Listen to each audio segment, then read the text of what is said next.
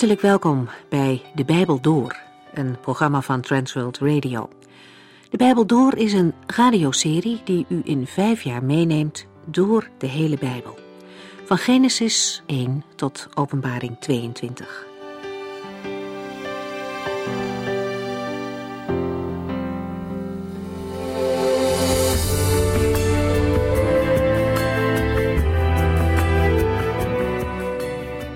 Vorige keer lazen we in Psalm 22. Het is een lied met een hele abrupte wending halverwege. Het eerste deel is een klaagzang van de dichter, waarin hij zijn eenzaamheid beschrijft. Hij voelt zich van God verlaten en door mensen veracht. Eenzamer kan het niet. En hij roept het uit tot God. Al voelt hij zich nog zo alleen, hij herkent dat de Heere de Heilige is. Zijn eenzaamheid is geen maatstaf voor het wel of niet bestaan van God. Hij herinnert de Heere eraan hoe hij in het verleden heeft geantwoord als mensen tot hem riepen. En na een poëtische beschrijving van zijn lijden en een schreeuw naar God om redding, is er ineens die omslag. U hebt mij geantwoord. En daar begint het tweede deel van de psalm, een lofzang over de verlossing van de Heere. Die verlossing begint bij de situatie van David, maar eindigt in een vergezicht in de toekomst, wanneer alle volken het koningschap van de Heere God zullen erkennen. Deze psalm laat ook veel van het hart van de Heer Jezus zien toen hij moest lijden en sterven. Het is ontroerend om met die gedachte in het achterhoofd nog eens rustig de hele psalm te lezen. In de evangeliën wordt vooral beschreven wat er gebeurde maar hier in de psalmen lezen we over de intense nood en de worsteling. En gelukkig ook over de verlossing. Juist door dit lijden werd het mogelijk dat mensen bij God terug konden komen. Dat er lofliederen van de gelovigen opklinken naar de hemel en dat over de hele wereld mensen zich buigen voor de Heere. Aan het eind van de psalm wordt gezegd dat het recht en de goedheid van de Heere doorgegeven moet worden aan alle komende generaties, omdat Hij alles heeft volbracht. Zolang de Heere nog wacht om terug te komen, zolang mogen de gelovigen daarmee doorgaan.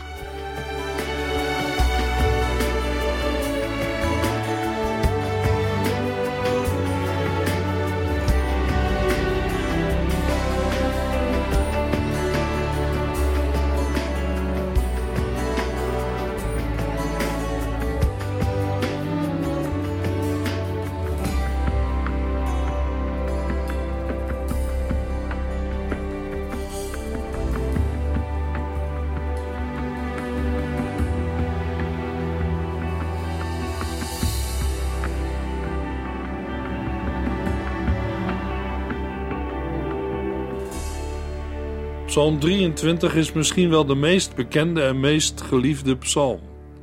Een lied van David, door de eeuwen heen in allerlei talen uit het hoofd geleerd en op muziek gezet.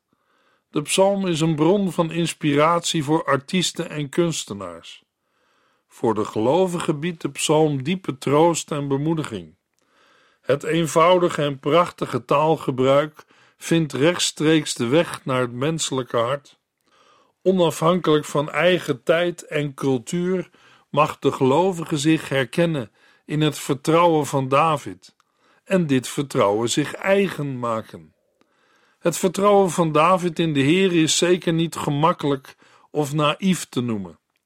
Geen zorgeloosheid of overmoed is de grondslag van Psalm 23, maar een persoonlijk kennen en volgen van de Heer zelfs te midden van tegenslag en doodsgevaar. Met het oog op dit laatste mogen we aannemen dat David deze psalm eerder als koning heeft geschreven dan als herdersjongen. De psalm valt uiteen in twee delen. In de versen 1 tot en met 4 lezen we over de Heere als de herder van David. En in de versen 5 en 6 over de Heere als Davids gastheer. Het centrum van de psalm vinden we in vers 4 met de woorden: Want u bent dicht bij mij. Zowel voor als na het drie woorden tellende centrum staan in de Hebreeuwse tekst 26 woorden. Het centrum van Psalm 23 wordt nog eens extra belicht door de plotselinge verandering in aanspreekvorm. Van de derde persoon enkelvoud hij naar de tweede persoon u. Wij moeten het belang van de uitspraak, want u bent dicht bij mij, niet onderschatten.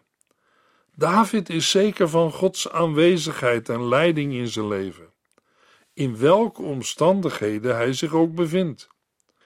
De eerste en de laatste regel van Psalm 23 zijn met elkaar verbonden. In beide versdelen wordt de verbondsnaam Heere gebruikt, terwijl die verder niet voorkomt in de psalm. Psalm 23, het lied van David, wordt omringd door de aanwezigheid van de Heere. Boven het lied staat kort en krachtig een psalm van David. Psalm 23, vers 1 tot en met 4. De Heer is mijn herder, dus heb ik alles wat ik nodig heb. Hij laat mij uitrusten in een groene weide en wijst mij de weg langs kabbelende beekjes. Hij verfrist mijn innerlijk en leidt mij op de weg waar zijn recht geldt, tot eer van zijn naam. Zelfs als ik door een donker dal moet lopen, ben ik niet bang, want u bent dicht bij mij.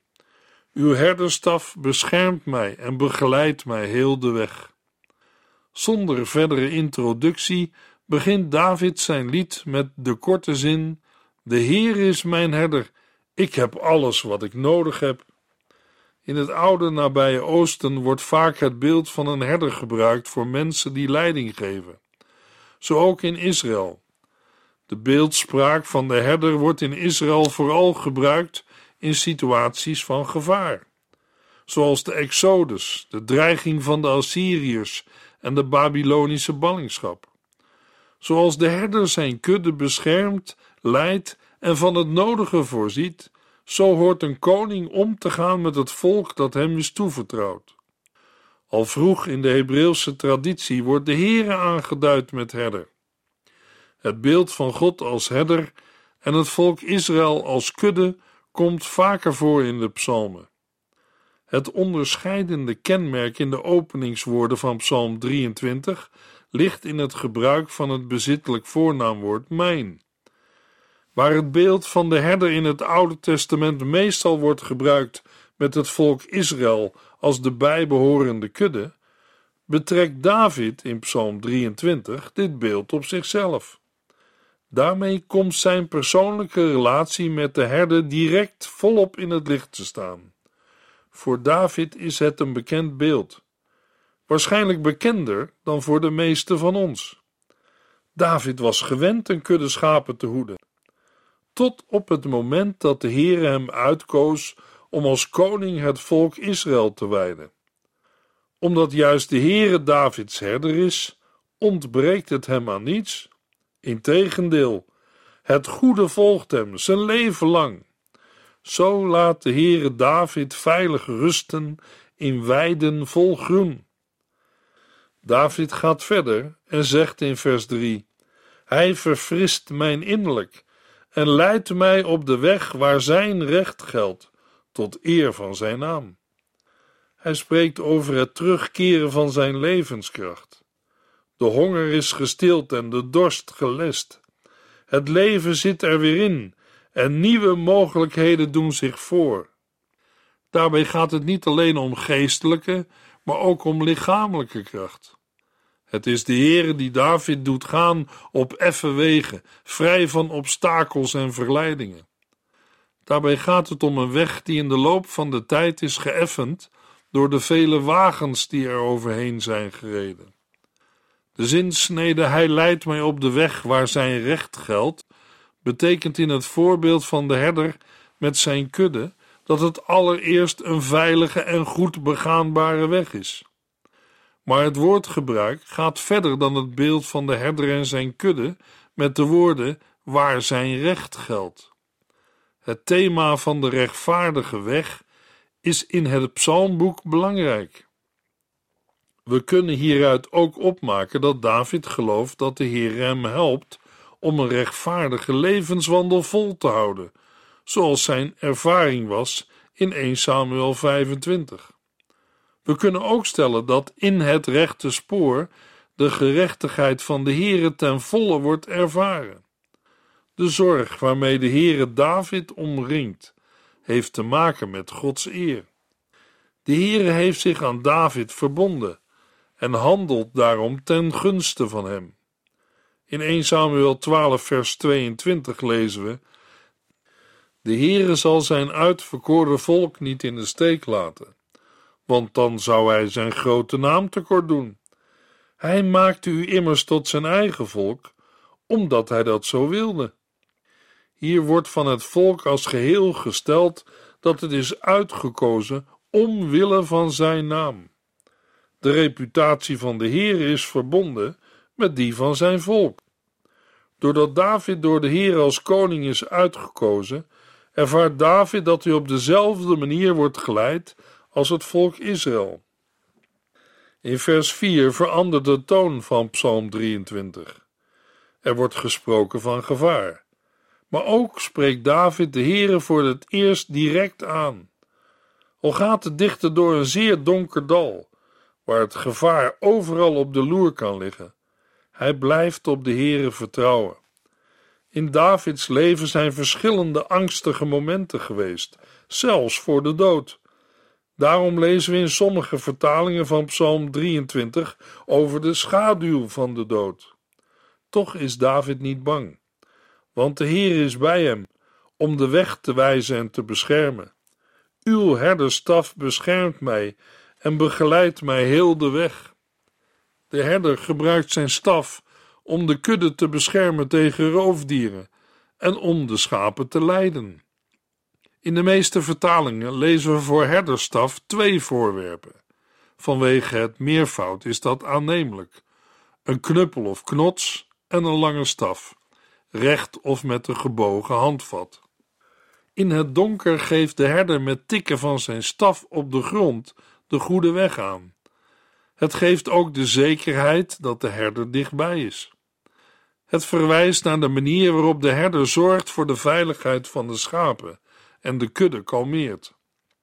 Soms kan een mens zich, als hij of zij terugkijkt op zijn leven, de tikken van de goede herder ontdekken en getuigen dat de Heer heeft teruggebracht naar de kudde, omdat afdwalen dreigde. Mogelijk dat we op het moment zelf het niet hebben ervaren als Gods liefdevolle bewaring. Psalm 23, vers 5 en 6. U, de Heere, bereidt een feestmaal voor mij, waar mijn vijanden bij zijn. U zalft mijn hoofd als bij een persoonlijke gast. Mijn beker vloeit over van uw zegen.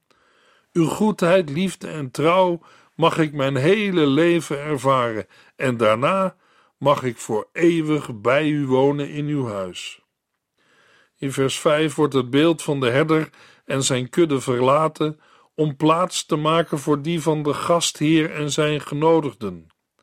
Voor het eerst wordt in vers 5 gesproken over mogelijke vijanden, maar wel in een situatie waar zij geen kwaad kunnen.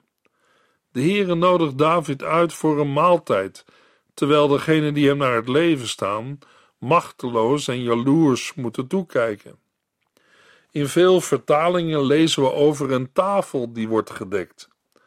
Bij het woord tafel moeten we in het oude Midden-Oosten in veel gevallen denken aan een op de grond uitgespreide dierenhuid of aan een zeer lage tafel.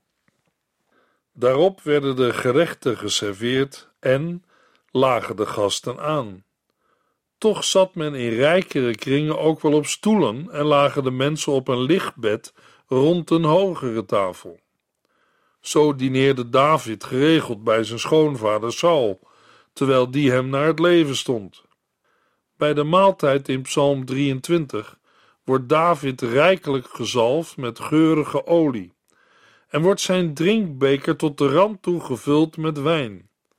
De geurige olie en de goed gevulde wijnbeker draagt bij aan de feestelijke stemming. In vers 6 spreekt David het vertrouwen uit dat niet zijn vijanden, maar Gods goedheid en trouw hem zijn hele leven blijven volgen. En dat hij tot in lengte van dagen in het huis van de Heere mag blijven wonen. Het woordgebruik van deze psalm doet bij vlagen denken aan dat van de uittocht uit Egypte.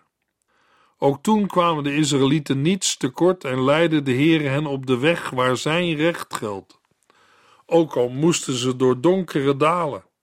De Israëlieten kregen water en eten in de woestijn.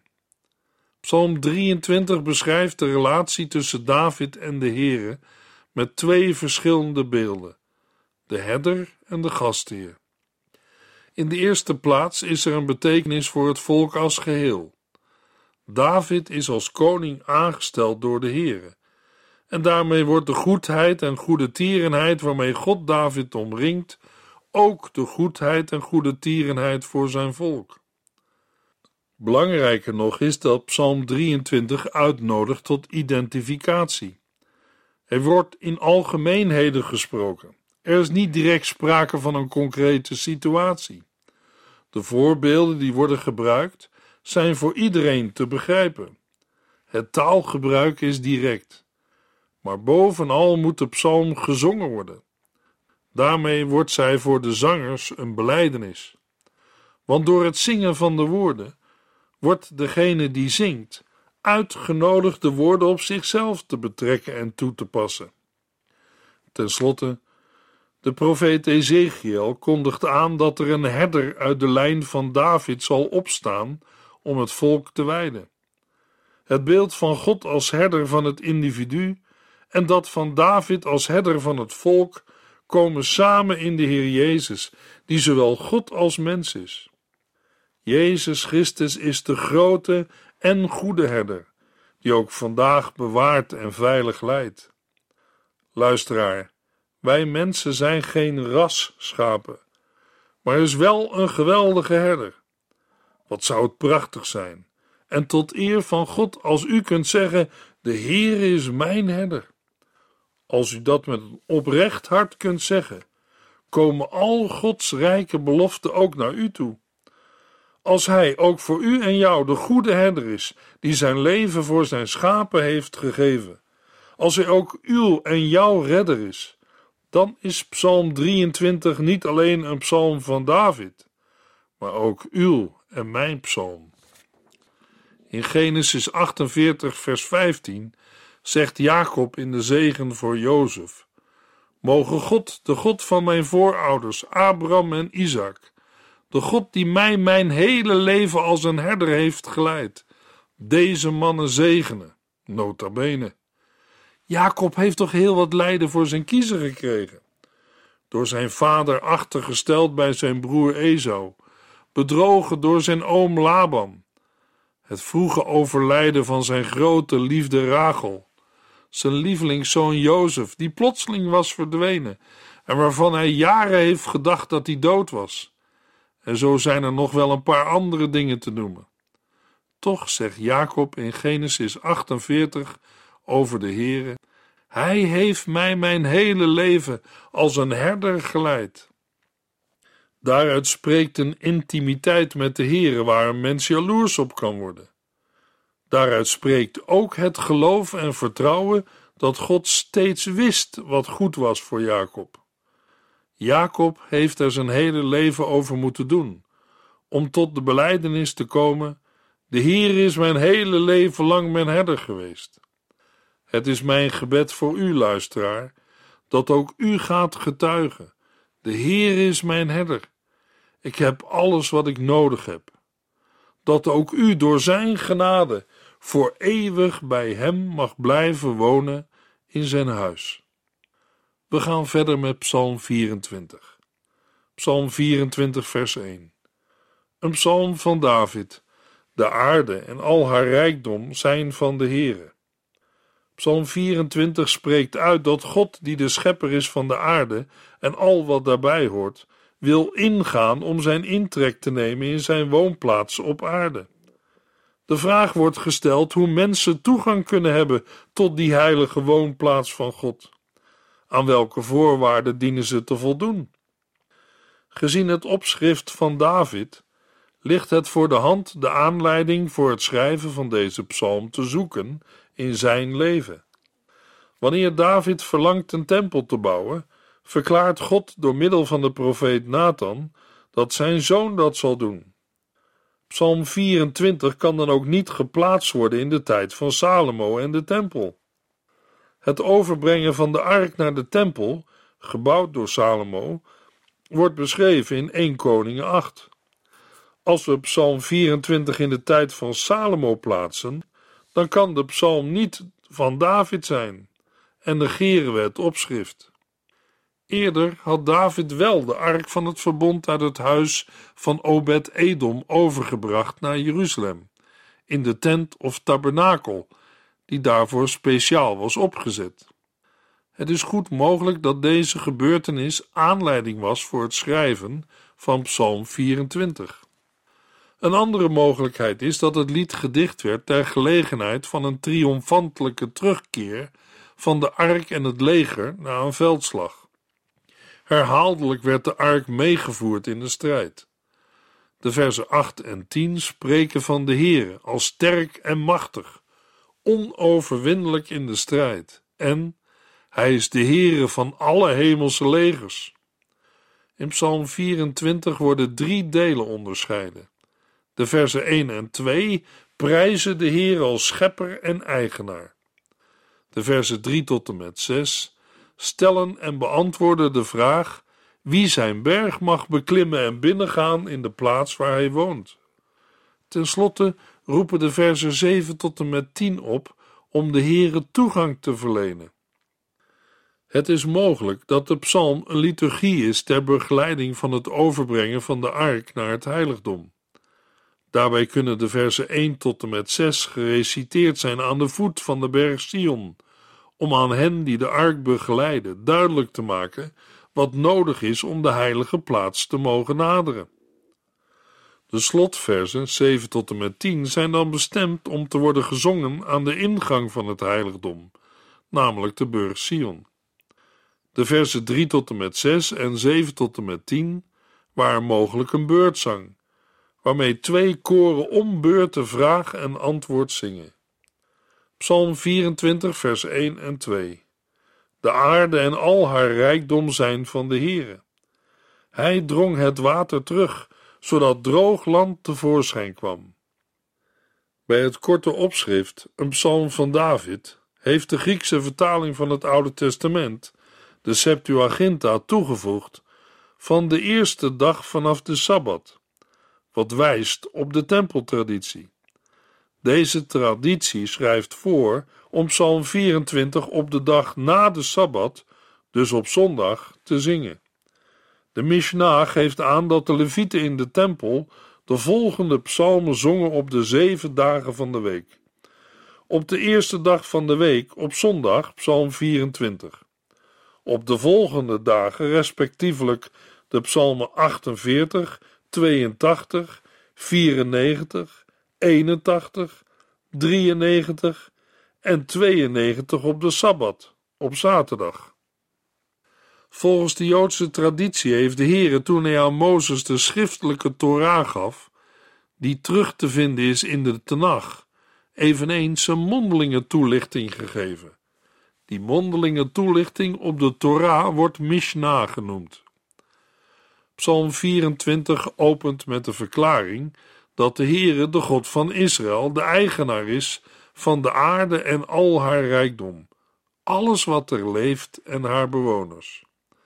De reden is dat de Heere de schepper is. Ter illustratie vermeldt vers 2 het vastzetten van de bewoonbare aarde als scheppingsactiviteit van God. De aarde wordt voorgesteld als een bouwsel dat fundamenten heeft om vast te staan op het water, de zeeën. De God van Israël staat hiermee in schril contrast met de heidense afgoden, die niet meer dan een machtsaanspraak kunnen laten gelden op hun eigen volk en gebied. Een voorbeeld van dit denken vinden we in 1 Koningen 20, vers 23 tot en met 28. Daar denken de Syriërs, Aram, dat de God van Israël een God van de heuvels is, een berggod en niet van de vlakten. Psalm 24, vers 3 tot en met 6. Wie kan de berg van de Heere beklimmen en binnengaan in de plaats waar hij woont? Wie kan voor de Heere staan? Alleen zij die schone handen en zuivere harten hebben, die zich niet inlaten met oneerlijkheid en leugens. Zij zullen als een zegen van God zijn goedheid in hun leven ervaren. Die reikt hij, hun verlosser, hunzelf toe. Zij mogen voor de Heere komen staan en hem, de God van Jacob, hulde brengen. Het is opmerkelijk dat vers 4 geen uiterlijke handelingen als voorwaarde noemt, zoals het brengen van offers of het onderhouden van de sabbat of feesten. Ook wordt er geen mogelijkheid geboden om via allerlei goede werken de gunst van de Heere te verdienen. Psalm 24, vers 7 tot en met 10. Ga toch open, eeuwenoude poorten, en laat de geëerde koning binnen. Wie die geëerde koning is? De Heere, sterk en machtig, onoverwinnelijk in de strijd. Ja, zet de poorten wijd open en laat de geëerde koning binnengaan. Wie die geëerde koning is? Hij is de Heere van alle hemelse legers. Hij is de koning die alle eer toekomt. Door deze indringende wijze van herhaling en opklimmende duidelijkheid wil de dichter verwondering oproepen. Deze grote en machtige God is de God van Israël. Hij wil bij ons wonen en wij mogen tot hem naderen. Wat een wonder! Een mens heeft de mogelijkheid tot de Heere te naderen, maar alleen in een gelovige en gehoorzame houding. In Psalm 23 hebben we gezien hoe belangrijk het is vertrouwelijk met de Heere om te gaan. Maar zonder respect en gepaste eerbied kunnen we niet tot Hem naderen. In de christelijke kerk is Psalm 24 messiaans opgevat, in typologische zin. Net als Psalm 47 wordt deze psalm betrokken op de hemelvaart van Christus. Na zijn strijd op aarde ontving hij de ereplaats aan de rechterhand van de Vader. De christelijke gemeente ziet uit naar zijn wederkomst, vol glans en heerlijkheid. In de volgende uitzending lezen we Psalm 25 en 26.